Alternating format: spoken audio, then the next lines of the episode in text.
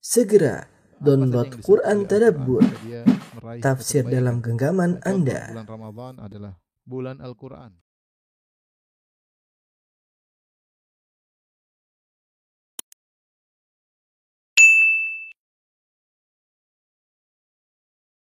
Bismillahirrahmanirrahim. Assalamualaikum warahmatullahi wabarakatuh.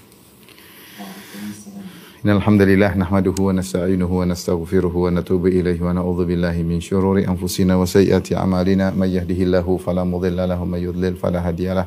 أشهد أن لا إله إلا الله وحده لا شريك له وأشهد أن محمدا عبده ورسوله. لا نبي بعده يا أيها الذين آمنوا اتقوا الله حق تقاته ولا تموتن إلا وأنتم مسلمون.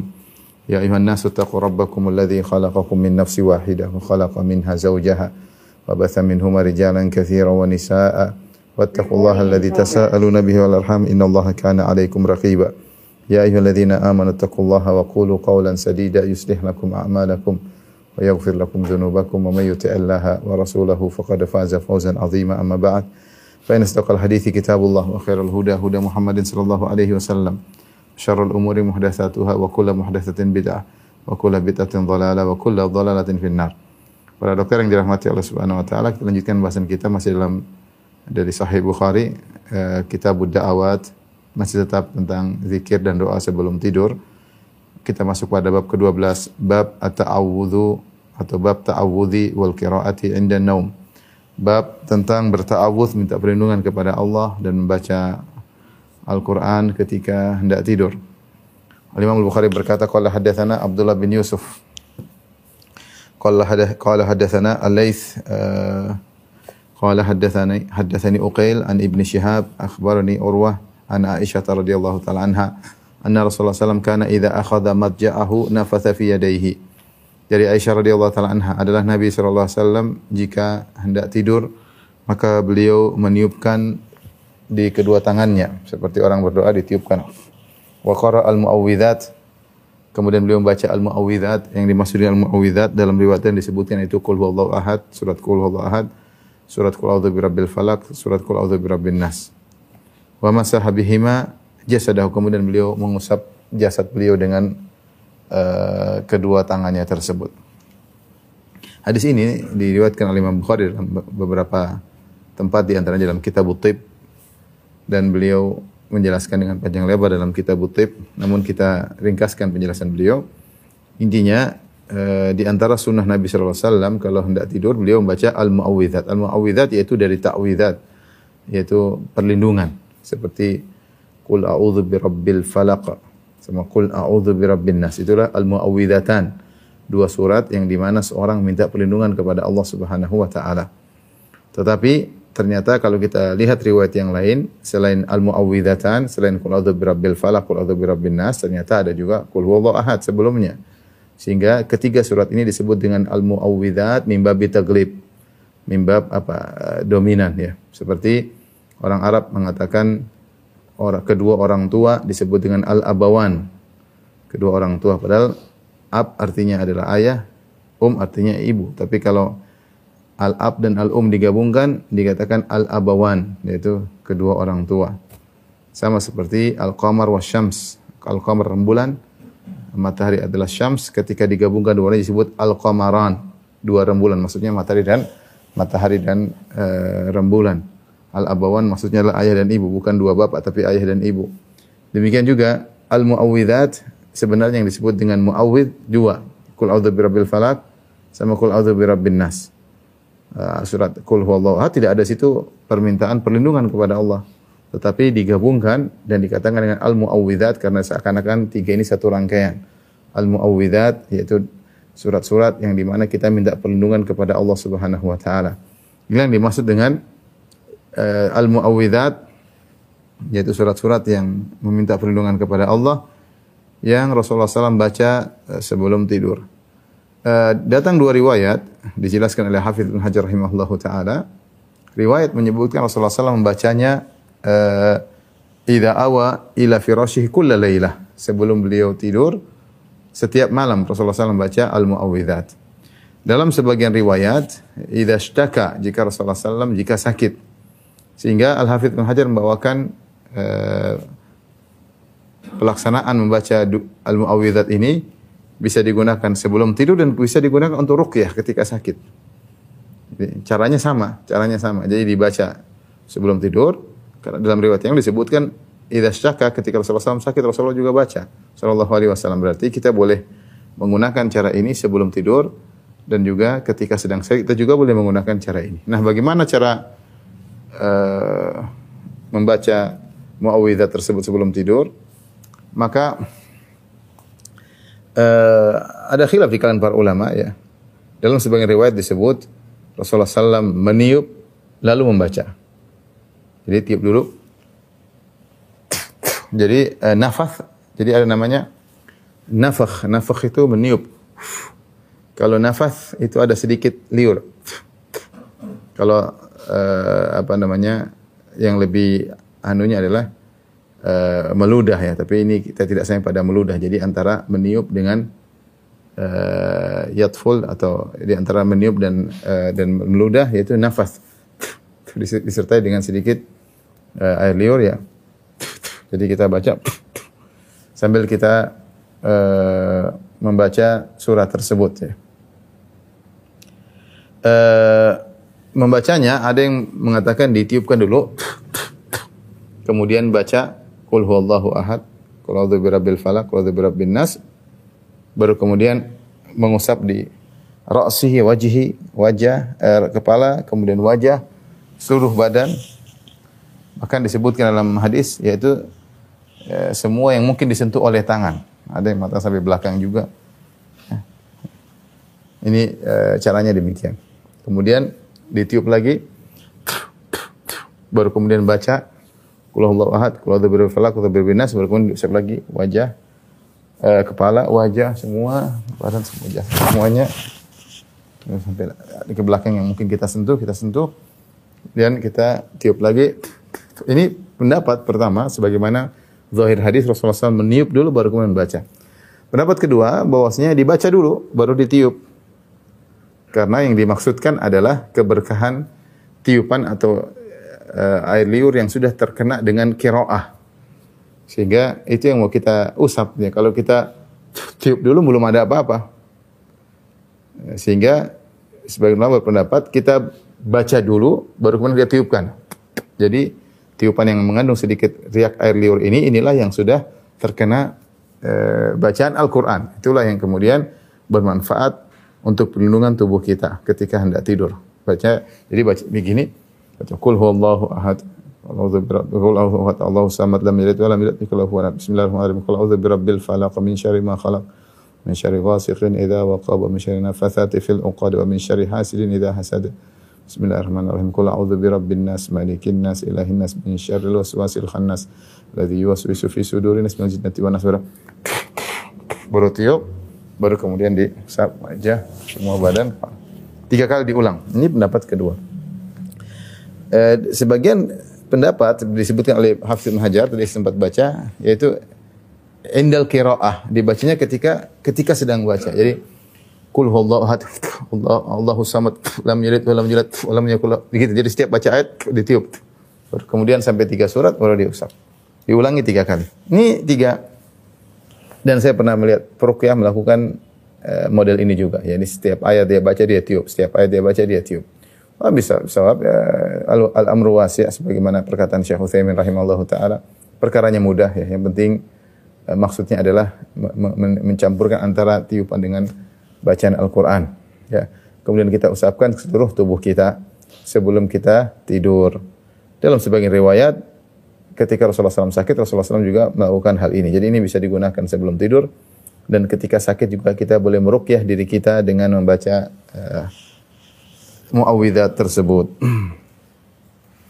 Kemudian uh, saya bacakan pendapat Ibnu Hajar. Ibnu Hajar berkata, "Waqad warada fil qiraa'ah inda naum iddatu ahaditha sahihatun."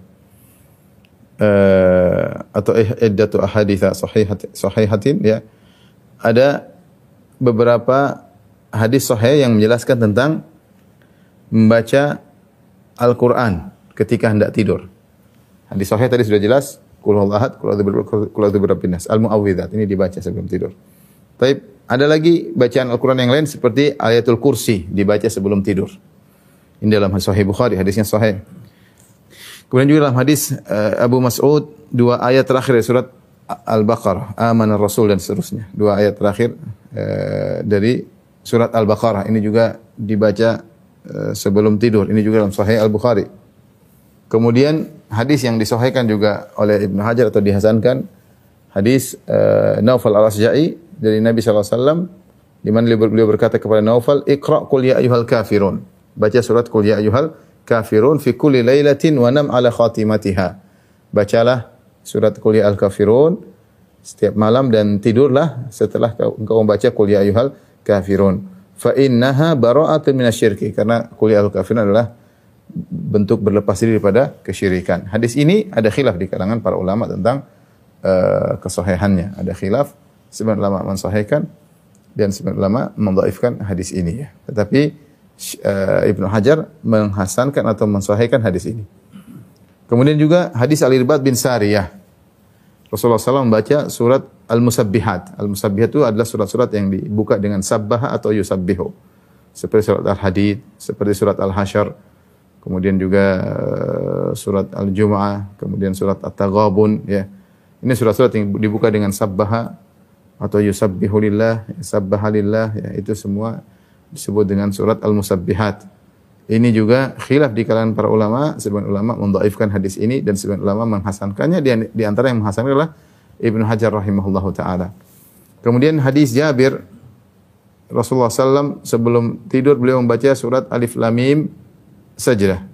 Alif Lam Mim tanzilul kitabi la raiba fi min rabbil alamin. Alif Lam Mim As-Sajdah yang dikenal Alif Lam Mim As-Sajdah. Kemudian surat Tabarakalladzi biyadihil mulku wa huwa ala kulli syai'in qadir surat Al-Mulk. Ini diriwayatkan Imam Bukhari dalam Adil Mufrad dan ini juga diperselisihkan oleh para ulama sebagian mendhaifkan dan sebagian menghasankan. Ya. Uh, kemudian juga uh, hadis Shaddad bin Aus rafa'ahu secara marfu ma min ma min ma min ri'in Ma min imri'in muslimin ya'khudhu maja'ahu fa yaqra'u suratan min kitabillah illa ba'atha Allahu malakan yahfadhuhu min kulli syai'in yu'dhihi hatta yahubba ya. Yaitu tidaklah uh, seorang baca Al-Qur'an kecuali sebelum tidur kecuali ada malaikat yang akan menjaganya. Uh, ini tadi saya katakan dalil-dalil tentang surat-surat yang dibaca sebelum tidur ya. Sebagian surat-surat datang dengan dengan uh, sanad yang sahih dan sebagian surat-surat diperselisihkan oleh para ulama. Dihasankan oleh Ibnu Hajar dan didhaifkan oleh sebagian ulama yang lain.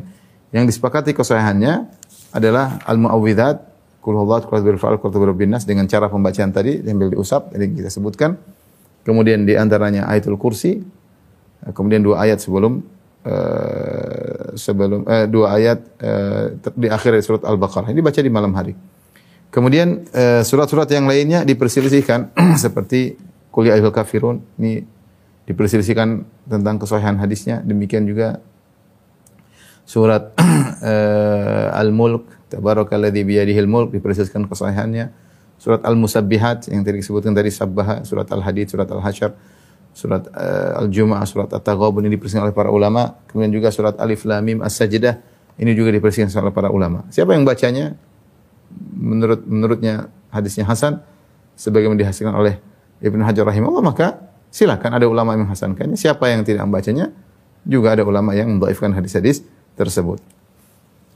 Uh, kemudian juga tentang uh, ta'awudz berlindung kepada Allah Subhanahu wa taala. Dalam hadis-hadis juga datang beberapa hadis ya. Seperti uh, tapi ini tidak khusus sebelum tidur ya. Disebutkan oleh Ibn Hajar rahimahullah ta'ala ada beberapa hadis tentang ta'awudz namun tidak terkhususkan sebelum tidur. Seperti A'udzu bi kalimatillahi tammati min syarri ma khalaq. Ya, ini dibaca idza amsaita jika engkau sudah tiba di sore hari. Termasuk masa adalah di malam hari. Seorang kalau tidak sempat baca di sore dia boleh baca di malam di malam hari. Dan dia boleh baca sebelum tidur. Ini umum, tidak khusus sebelum tidur tapi dia umum dan dia boleh dibaca sebelum sebelum uh, tidur. Kemudian juga uh, kana dalam hadis kana Rasulullah sallam ya'muruna idza akhadha ahadana maja'ahu an yaqul. Rasulullah sallam memerintahkan kami jika kami hendak tidur hendaknya membaca doa. Allahumma rabbas samawati wal wa rabbal ardi ya. Hadis uh, wa fi lafdhin kata beliau Allahumma fatir samawati wal ard alimal ghaibi wa syahada rabb kulli syai'in malika asyhadu an la ilaha illa anta a'udzubika min syarri nafsi min syarri syaitani rajim wa syirkih uh, ini juga tidak umum sebelum tidur ya uh, ini hadis muawwidzat atau ta'widzat minta perlindungan di sore hari boleh dibaca dan sebelum tidur juga boleh dibaca. Kemudian juga hadis Ali radhiyallahu anhu kana yaqulu inda madjahi ya. Ini dibaca oleh Ali eh, dan dikatakan marfu dari Nabi sallallahu alaihi wasallam adalah Rasulullah sallam sebelum tidur beliau baca Allahumma inni a'udzu bika a'udzu biwajhikal karim wa kalimatika tammati min syarri kulli syai'in anta akhidhun bi nasiyatihi. Hadis ini dibaca sebelum sebelum tidur. Jadi Ibnu Hajar menyebutkan beberapa eh, doa-doa yang bisa dibaca sebelum tidur. Sebagaimana sudah kita jelaskan pada pertemuan lalu, doa-doa ini eh, dicontohkan oleh Nabi SAW tidak harus dibaca semuanya. Siapa yang bisa baca semuanya baik, dia mengingat Allah sebelum tidur dengan berbagai macam doa dan zikir dan bacaan. Dan jika dia tidak tidak sempat dia baca sebagiannya pun tidak jadi masalah. Tapi bab berikutnya bab uh, Al-Imam Al-Bukhari berkata rahimahullah taala qala haddatsana Ahmad bin Yunus qala haddatsana Zuhair qala haddatsana Ubaidullah bin Umar qala haddatsani Sa'id bin Abi Sa'id Al-Maqburi an abihi an Abi Hurairah qala qala Nabi sallallahu alaihi wasallam idza awa ahadukum ila firashihi falyanfud firashahu bidakhilati izarihi jika salah seorang dari kalian hendak tidur maka hendaknya dia tepiskan atau dia bersihkan kebasi dia kebasi tempat tidurnya dengan bagian dalam sarungnya. Fa innahu la yadri ma khalafahu alaihi. Semuanya tidak tahu ketika dia pergi meninggalkan tempat tidurnya, mungkin ada sesuatu di tempat tidurnya. Thumma yaqul, kemudian dia setelah itu dia tidur sambil berdoa, bismika rabbi wada'tu jambi wa bika arfa'uh. Ya Allah dengan namamu lah aku dengan namamu lah yang engkau Tuhanku, aku bisa meletakkan lambungku wa bika arfa'u dan karena engkau pula lah aku bisa mengangkat lambungku In afsafta nafsi farhamha. Jika engkau ternyata ketika aku tidur kau tahan nyawaku yaitu kau wafatkan aku, maka rahmatilah nyawaku tersebut. Wa in arsaltaha jika ternyata kau lepaskan kembali nyawaku sehingga aku terbangun, fahfadha bima tahfadhu bihi ibadaka salihin. Maka jagalah jiwaku sebagaimana dengan penjagaan yang kau gunakan untuk menjaga hamba-hambamu yang salihin. Uh, وقال تابعه أبو ضمرة وإسماعيل بن زكريا عن عبيد الله وقال يحيى بن سعيد وبشر بن المفضل عن عبيد الله عن سعيد عن أبي هريرة عن النبي صلى الله عليه وسلم Uh, warwahu Malik wa Ibnu Ajlan an Sa'id an Ibnu Hurairah Nabi sallallahu alaihi wasallam. Eh, Al Hafiz uh, eh, Al Bukhari menyebutkan riwayat-riwayat yang lain. Taib ini ini di antara adab sebelum tidur di antaranya kita membersihkan uh, tempat tidur kita dengan menggunakan sarung yang kita pakai. Apakah ini khusus sarung ataukah Rasulullah menyebutkan hal ini karena memang kebiasaan orang-orang ketika itu memakai izar. Izar itu sarung. Cuma sarungnya bukan seperti kita sarung yang tertutup sarung kain kain dilipat, diputar ya, seperti kain ihram itu namanya izar. Kalau sudah di sudah dijahit itu namanya sarung. izar ya. Gampangannya itu izar ya. Uh, dulu para salaf mereka menggunakan zaman Nabi SAW mereka menggunakan izar dan rida. Rida adalah pakaian atas ya, selendang bagian atas ya. Kadang mereka bisa jahit dalam bentuk jubah, gamis, kadang berupa kain aja. Jadi kain bawah, kain atas. Itu di antara baju baju yang mereka gunakan ketika dahulu. Kadang mereka menggunakan izar, kadang mereka menggunakan sirwal. Tapi sirwal mungkin tidak mudah, harus jahit berbentuk uh, celana ya. Nah, tapi kalau kain mudah digunakan kapan saja tinggal punya kain bisa digunakan kain bawah, kain atas. Kain bawah namanya izar, kain atas namanya rida. Kita bilang selendang, kita bilang uh, sarung di bagian bawah. Nah, Rasulullah SAW mengatakan, "Idza awa ahadukum ila firasyihi." Jika salah seorang dari kalian hendak tidur di tempat tidurnya, falyanfudh firasyahu bidakhilati izarihi. Maka hendaknya dia uh, kebasi dengan sarungnya bagian dalam. Jadi kita sarung, bagian dalam ya. Jadi eh, maka di sini ada khilaf di kalangan para ulama. Apa maksudnya bidakhilati izarihi? Eh, hendaknya dia kebaskan dengan bagian dalam sarungnya. Ada yang mengatakan maksudnya ujung sarungnya. Jadi dia sarungnya, dia mau tidur, sarungnya ujung sarungnya dia kebasin. kebas-kebasin. Ada yang mengatakan maksudnya dia buka dulu sarungnya sehingga ketika dia buka sarungnya yang digunakan untuk mengkebas adalah bagian dalamnya. Jadi kalau ini sini dilipat, buka begini, nah ini yang digunakan ini satu tangan kiri menahan, tangan kanan digunakan untuk mengkebas tempat tidurnya tersebut ya. Baru dia tutup lagi baru kemudian dia dia tidur. Sebagian ulama mengatakan lam yadhar lam yadhar lana tidak nampak bagi kami apa hikmahnya Rasulullah menyebutkan bagian dalam izar. Allah alam bisawab yang jelas Rasulullah SAW menyebutkan illah, menyebutkan sebabnya. Eh, fa innahu la yadri ma khalafahu alaihi. Sungguhnya tidak tahu uh, apa yang uh, dia terjadi di tempat tidurnya ketika dia tinggal dia meninggalkan tempat tidurnya. Dan kalau kita mengambil illah tersebut, maka seharusnya tidak tidak harus pakai sarung, tidak ada masalah. Mungkin kita bersihkan pakai sesuatu atau pakai sapu, pakai apa.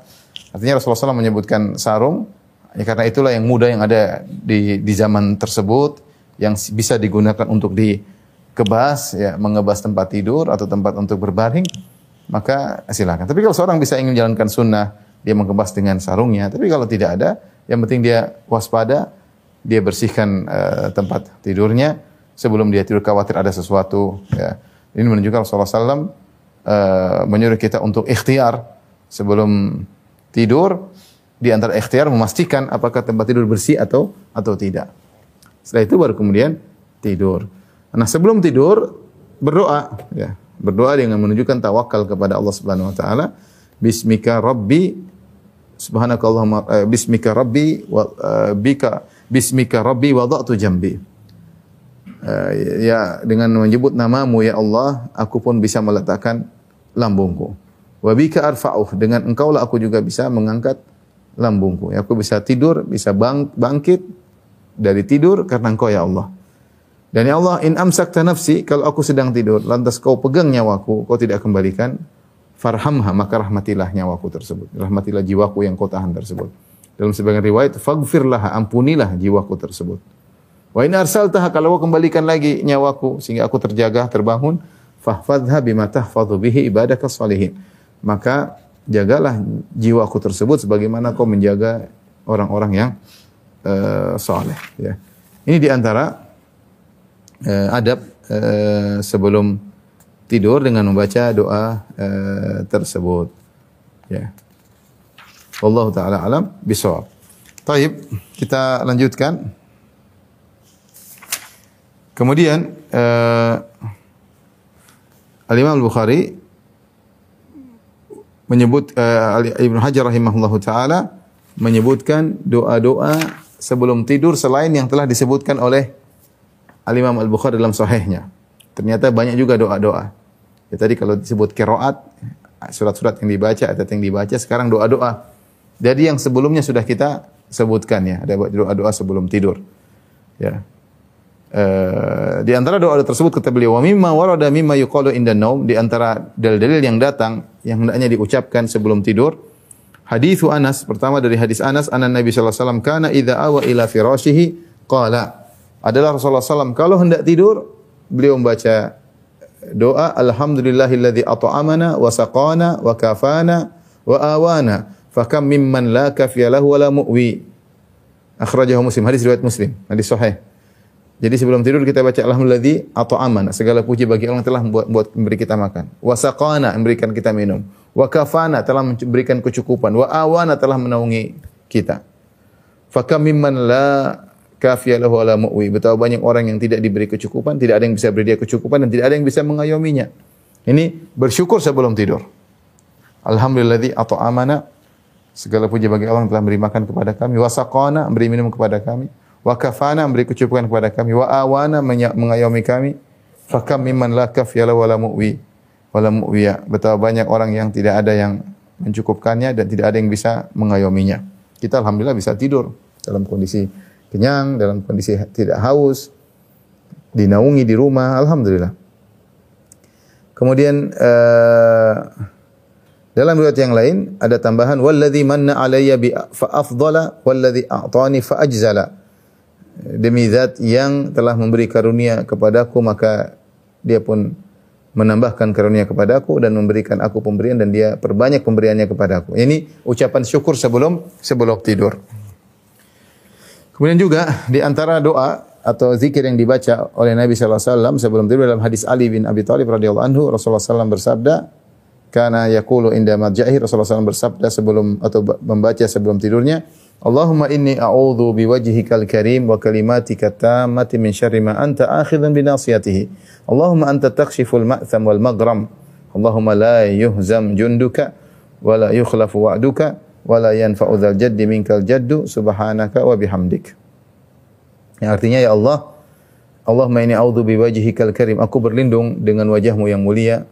Wa kalimatika tammah dan aku berlindung dengan kalimat-kalimatmu yang sempurna min syarri ma ma anta akhidhun binasiyati dari kejahatan makhluk yang engkau memegang ubun-ubunnya. Allahumma anta takshiful ma'tham wal maghram. Ya Allah, engkau lah yang telah men bisa menyingkap, menghilangkan dosa-dosa dan engkau bisa menghilangkan hutang ya. Allahumma la yuhzamu junduk. Ya Allah, tentaramu tidak akan terkalahkan wa la yukhlafu wa'duk dan janjimu tidak akan terselisihkan. Wala yanfa'u dzal jaddi minkal jadd, tidak ada sesuatu pun yang bisa memberi manfaat uh, kecuali dengan izinmu ya. Subhanaka wa bihamdik. Ya, maksud engkau dan segala puji bagimu. Ini juga di antara doa sebelum tidur.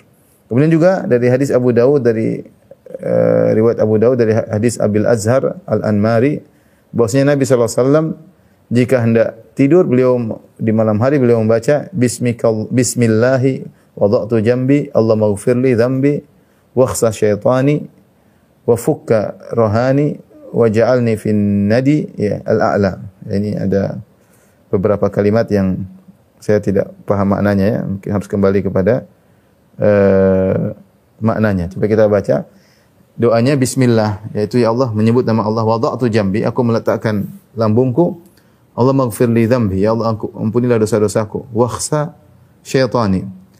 Wakhsa syaitani itu hinakanlah syaitanku. Wa fuka uh, rohani wa ja'alni fin nadi. Wallah alam saya kurang faham maknanya. Belum harus dicek kembali kepada uh, makna kalimat ya. Tapi itu di antara doa yang dibaca oleh Nabi sallallahu alaihi wasallam.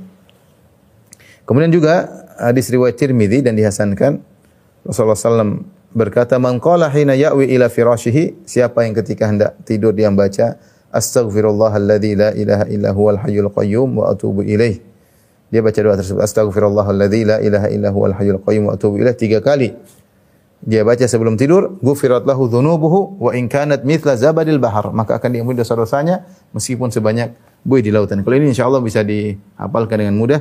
Astaghfirullahalladzi la ilaha illa huwal hayyul qayyum wa atubu ilaih. Tiga kali sebelum tidur. Astaghfirullah alladzi la ilaha illa huwal hayyul qayyum wa atubu ilaih. Astaghfirullah alladzi la ilaha illa huwal hayyul qayyum wa atubu ilaih. Astaghfirullah alladzi la ilaha illa huwal hayyul qayyum wa atubu ilaih. Jika dibaca sebelum tidur maka diampuni dosa-dosanya meskipun sebanyak buih di lautan. Kemudian juga dalam hadis Abu Dawud dan Nasa'i dari hadis Hafsah radhiyallahu taala anha ummul mukminin anna Nabi sallallahu alaihi wasallam kana idza arada an yarquda wada'a yadahu al-yumna tahta khaddihi. Ada Rasulullah SAW kalau hendak tidur beliau meletakkan tangannya di pipinya. Itu menjadikan tangannya eh, bantal bagi pipinya. Suma yaqul kemudian Rasulullah SAW berdoa, Allahumma kini adzabak yauma tab'atsu ibadak. Ya Allah, lindungilah aku dari azabmu hari di mana engkau bangkitkan hamba-hambamu. Doanya mudah. Allahumma kini adzabak yauma tab'atsu ibadak. Ya Allah, lindungi aku dari azabmu hari di mana engkau bangkitkan hamba-hambamu. Uh, ini di antara doa-doa yang disebutkan oleh Nabi Shallallahu Alaihi Wasallam sebelum tidur. Ya.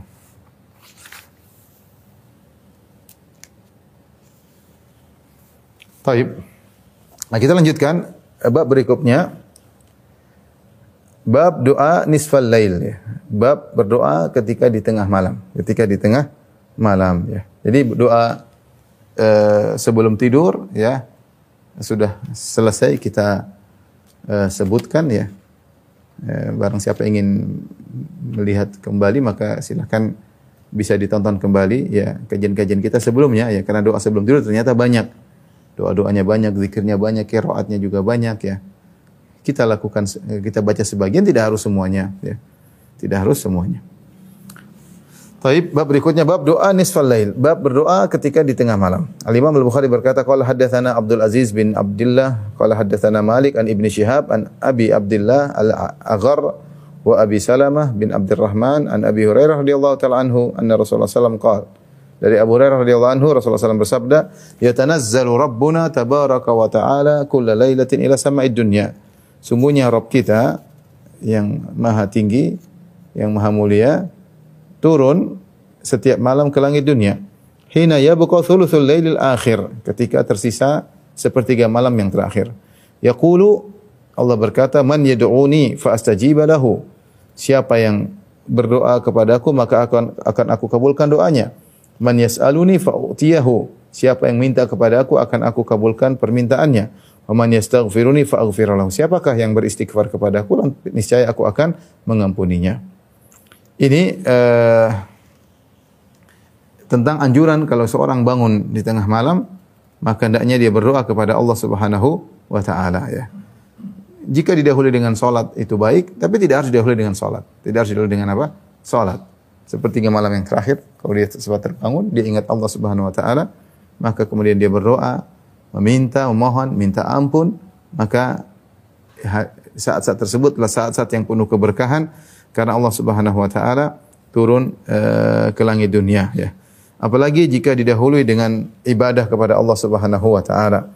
Kenapa? Karena malam tersebut, apalagi sepertiga malam yang terakhir, mulai tengah malam sampai sepertiga malam yang terakhir, maka itu adalah waktu di mana orang beristirahat. Ya, orang lezat-lezatnya tidur di ujung-ujung uh, sepertiga terakhir itu puncak-puncak kelezatannya tidur. Ya, tiba-tiba seorang kemudian bangun, dia melawan rasa kantuknya, dia meninggalkan lezat tidurnya, uh, kemudian untuk memohon kepada Allah Subhanahu wa taala.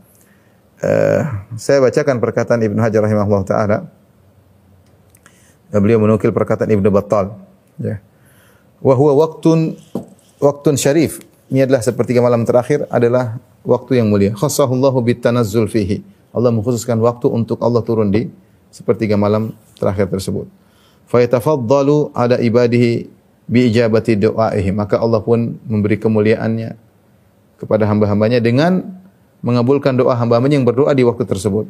Wa i'ta'i su'lihim. Dan Allah mengabulkan permohonan mereka. Wa ghufrani dzunubihim dan Allah mengampuni dosa-dosa mereka. Wa huwa waqtu ghaflatin wa khalwah.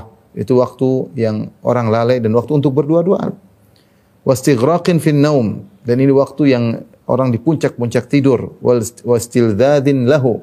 Waktu lezat-lezatnya lagi tidur wa mafaraqatul ladzati wad da'ati sa'bun adapun meninggalkan kelezatan adalah perkara yang berat la siyama ahlur rafahiyah terutama orang-orang yang hidupnya mewah, nyaman, tempat tidur halus ya, tempat tidur nyaman. Ini mau suruh bangun susah. Ya, mungkin kalau tidurnya pakai uh, tikar mungkin mudah ya. Tapi kalau pakai spring bed ya mungkin susah bangunnya ya. Fi zamanil apalagi di musim dingin. Wa kadzalik ahlu ta'ab wala siyama fi kasril lail. Demikian juga orang yang lelah kerja untuk bangun sepertiga malam terakhir sangat sulit kata Ibnu Battal rahimahullah taala. Wala siyama fi kisari lail, terutama ketika malam pendek itu di musim panas. Musim panas malam pendek. Kalau kita insyaallah di kalau katulistiwa mirip-mirip, tapi kalau di daerah-daerah yang lain yang jauh dari katulistiwa maka musim dingin malamnya panjang, musim panas malamnya pendek. Faman athara al-qiyam limunajati rabbih wa tadarru ilaihi ma'a dhalik dalla ala khulus niyyatihi wa sihhati ragbatihi fima inda rabbih. Maka siapa yang mendahulukan untuk mengutamakan untuk bangun, meninggalkan semua kelezatan tersebut, kenikmatan, puncak-puncak lezatnya tidur. Dia bangun untuk bermunajat kepada Rabbnya, untuk berbicara dengan Rabbnya, menyampaikan hajatnya. Wa tadarru ilaihi untuk merendah di hadapan Allah, merengek-rengek minta kepada Allah Subhanahu wa taala. Maka ini menunjukkan ala khulusi niyati, maka menunjukkan niatnya tulus. Wasihati rakbati fima inda rabbi, menunjukkan dia benar-benar berharap janji Allah Subhanahu wa taala. Falidzalika nabbaha Allahu ibadahu ala du'a fi hadzal waqt. Oleh karenanya Allah ingatkan jangan lupa berdoa di waktu tersebut. Alladzi takhlu fihi fihi nafsu min khawatir dunya wa ulaqiha. Yang di mana waktu tersebut jiwa ini sudah lepas daripada kegiatan-kegiatan duniawi. Lagi fokus berdoa dengan Allah Subhanahu wa taala. Maka minta, jangan lupa minta sama Allah. Ya liyastash'iril abdu al-jidda wal ikhlas li rabbih agar seorang hamba berusaha untuk bersungguh-sungguh dan ikhlas untuk Rabbnya. Ini bukti bahwasanya kita yakin dengan janji Allah, kita yakin Allah turun ke langit dunia, kita yakin Allah uh, Maha mengampuni, Maha mengabulkan doa, maka kita bangun, maka kita bangun. Ya. Maka uh, jangan sampai hari-hari lewat kita tidak sempat bangun sepertiga malam yang terakhir ya. Sepertiga malam terakhir bagaimana mengetahuinya? Mudah. Ambil aja waktu maghrib jam berapa, waktu azan subuh jam berapa, bagi tiga. Bagi tiga. Sepertiga terakhir itulah sepertiga malam yang yang terakhir ya. Kalau kita sekarang misalnya, coba kita kira-kira uh.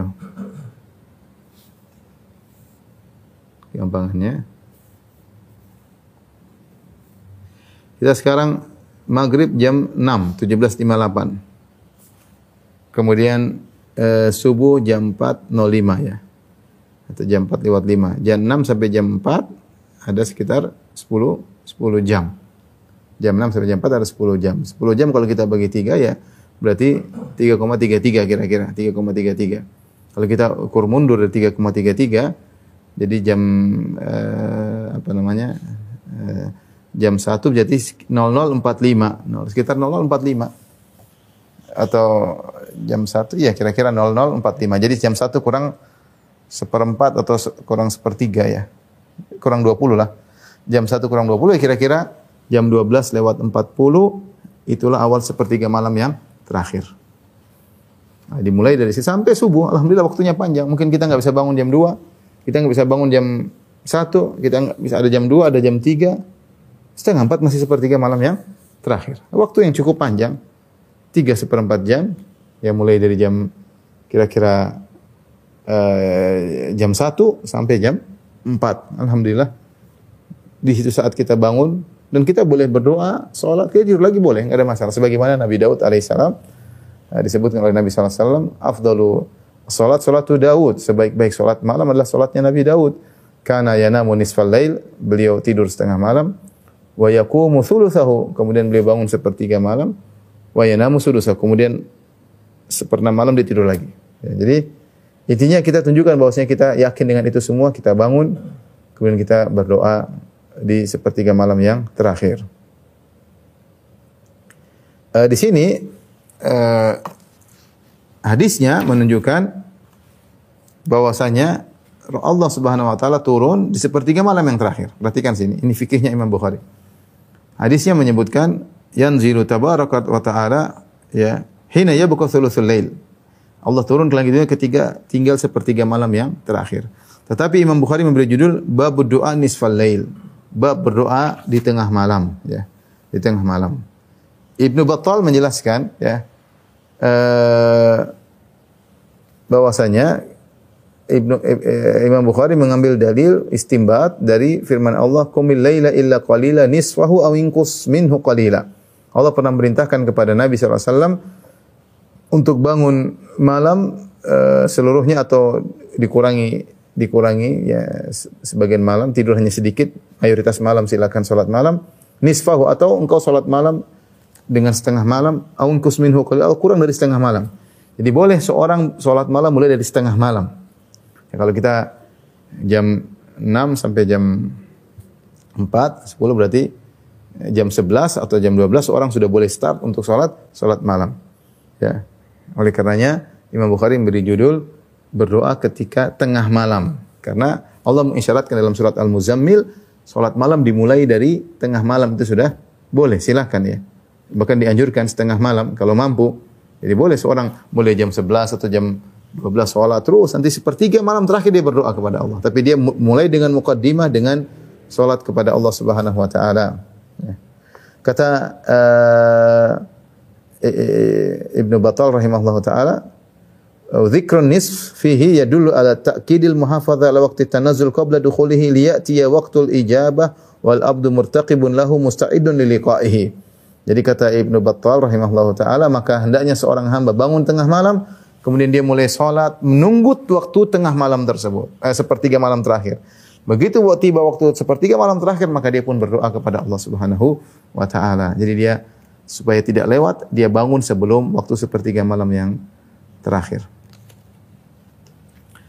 Taib eh, ikhwan dan akhwat yang rahmati Allah Subhanahu wa taala eh, Ibnu Hajar rahimahullah dalam uh, apa namanya uh, dalam hadis ini beliau mentakwil ya. Beliau berkata yang dimaksud dengan turun bukannya Allah Subhanahu yang turun tapi maksudnya adalah turunnya malaikat rahmat atau yang semisalnya Ya, tentu ini adalah takwil yang menyelisihi akidah Ahlussunnah wal Jamaah. Bahwasanya kita meyakini Allah Subhanahu wa taala turun eh, ke langit dunia dan kita tidak tahu bagaimana kaifiyahnya ya. Sebagaimana ketika Imam Malik ditanya Ar-Rahmanu 'alal arsy istawa. Allah beristiwa di atas arsy. Kaifa istawa? Bagaimana cara Allah beristiwa? Maka Imam Malik menjawab al-istiwa'u ma'lum. Bahwasanya beristiwa di atas arsy dipahami maknanya. Wal imanu bihi wajib dan kita wajib mengimaninya. Wasu'alu anhu bid'ah dan bertanya bagaimana adalah bid'ah. Maka demikianlah kita terapkan perkataan Imam Malik ini kepada seluruh sifat-sifat Allah Subhanahu wa taala. Kita bilang namanya eh, kita beriman Allah turun ya ke langit dunia bagaimana kita tidak tahu ya Eh, dan kita tidak takwil kita katakan ini yang turun adalah perintahnya atau kita mengatakan yang, yang turun adalah rahmatnya atau kita mengatakan yang turun adalah malaikatnya. Karena kalau kita takwil begitu akan menimbulkan kelaziman-kelaziman yang buruk. Sebagaimana dijelaskan oleh Ibnu Qayyim rahimahullah taala dalam kitabnya Aswa'iqul Mursalah. Beliau bantah takwil itu semua. Kalau kita takwil yang turun malaikat malaikat turun ke langit apa faedahnya? Kemudian malaikat apakah berani berkata siapa yang meminta ampun kepadaku karena dalam hadis disebutkan Allah turun kata Nabi kemudian Allah berkata siapa yang minta ampun kepadaku akan aku ampuni siapa yang minta kepadaku siapa yang berdoa kepadaku akan aku kabulkan dan tidak mungkin malaikat mengucapkan demikian dia mengucapkan pasti Allah Subhanahu wa taala kalau kita bilang malaikat yang turun, malaikat tidak mungkin mengucapkan demikian. Siapa yang mohon ampun kepadaku karena siapa yang berdoa kepadaku karena tidak boleh berdoa kepada malaikat. Berdoa kepada malaikat adalah syirik. Kalau ada yang mengatakan yang maksud adalah turun rahmat. Rahmat Allah turun sampai ke bumi, bukan cuma sampai nyantol di langit dunia ya. Tidak cuma nyantol langit dunia. Kalau rahmat cuma turun langit dunia, apa faedahnya buat kita yang uh, bangun malam? Ada mengatakan yang turun adalah perintah Allah. Perintah Allah tidak terkhususkan cuma sepertiga malam terakhir. Yudabbirul amra minas sama'i ilal ardi. Perintah Allah berjalan terus berkesinambungan, terus menerus setiap saat, tidak terkhusus pada sepertiga malam yang yang terakhir. Dan tentunya berbeda ketika seorang mengatakan Allah yang turun, tentunya dia akan semangat kan Rob dia mendekat kepada mendekat kepadanya, ya dia semangat. Beda dengan kalau katakan yang turun malaikat, yang turun perintah Allah, yang turun rahmat Allah. Dia tidak begitu. Jadi hambarlah uh, hadis-hadis ini. Kita katakan Rasulullah SAW adalah a'lamun nasi billah, orang yang paling paham tentang Allah Subhanahu wa taala. Rasulullah SAW afsahul khalq, orang yang paling fasih dalam menyampaikan. Dan dia adalah ansahul khalq, dia adalah orang yang paling ingin beri nasihat kepada umatnya. Tidak mungkin Rasulullah SAW bilang Allah turun maksudnya ternyata malaikat. Ini seakan-akan Rasulullah bikin teka-teki, Rasulullah SAW menjebak. Itu tidak pantas kita ucapkan kepada Nabi Shallallahu Alaihi Wasallam. Oleh karenanya kita berakhir di atas akidah salaf, bahwasanya kita amir ruha kama ja'at bila kaif kita imani sebagaimana Rasulullah SAW kabarkan dan tidak perlu kita tahu bertanya bagaimananya bagaimana karena kita tidak tahu bagaimana Allah tidak tahu bagaimana Allah di luar alam semesta ini bagaimana ya kita nggak ngerti sehingga tidak bisa kita analogikan dengan makhluk-makhluk yang ada. Kita cukup beriman, pokoknya Nabi mengatakan demikian, kita imani dan kita yakin Allah Subhanahu wa taala turun ke langit dunia. Di saat itulah kita bangun agar kita merasa dekat dengan Allah, kita berdoa, kita minta kepada Allah Subhanahu wa taala. Dan ini juga menunjukkan tentang bagaimana uh, luasnya rahmat Allah dan maha baiknya Allah Subhanahu wa taala. Allah yang maha pencipta yang tidak butuh kepada hambanya uh, tapi dia yang mencari hambanya untuk memberi karunia kepada hambanya. Kalau kita bicara uh, apa namanya biasanya orang miskin yang mencari orang kaya. Biasanya orang miskin yang mengetuk pintu orang orang kaya ya. Biasanya orang miskin yang mencari-cari orang orang kaya ya. Dan biasanya orang kaya tersebut ketika memberi dia butuh juga timbal balik. Ini Allah Subhanahu wa taala tidak butuh dengan kita. Ya, kita mau kafir mau apa enggak ada urusan. Uh, barang siapa yang kafir maka fa Allah ghaniyun karim. Ya Allah Maha mulia dan Allah Maha kaya, tidak butuh iman kita tidak menambah kekayaan Allah sama sekali. Tapi Allah yang turun ke langit dunia. Allah yang cari hamba-hambanya, Allah yang siapa yang beristighfar akan aku kabulkan, akan aku ampuni. Siapa yang beristighfar akan aku uh, yang aku yang berdoa akan aku kabulkan doanya. Siapa yang minta akan aku berikan permohonannya atau kabulkan permohonannya. Maka sungguh baik Rob kita, ya. Maka sungguh merugi kita yang sangat merugi kalau ternyata hari-hari lewat terus tidak kita tidak bangun untuk meminta kepada Rob kita. Maka kita semangati, saya semangatkan diri saya dan juga kepada para pemirsa. Jangan lupa untuk seperti malam terakhir bangun, ya meskipun 5 menit, 10 menit, kalau bisa didahului dengan sholat, itu yang terindah meskipun seperempat jam, meskipun setengah jam, kemudian berdoa minta kepada Allah, sampaikan curhat yang mau dicurhatkan kepada Rabbul Alamin. Karena Allah telah berjanji akan mengabulkan. Allah ta'ala alam bisawab, ini saja yang saya sampaikan. Uh, insya Allah kita lanjutkan pada pertemuan berikutnya dalam doa-doa yang lain selain daripada doa uh, sebelum tidur. Allah taala alam bisawab. Baik, demikian saja yang saya sampaikan. Wabillahi taufiq hidayah. Assalamualaikum warahmatullahi wabarakatuh.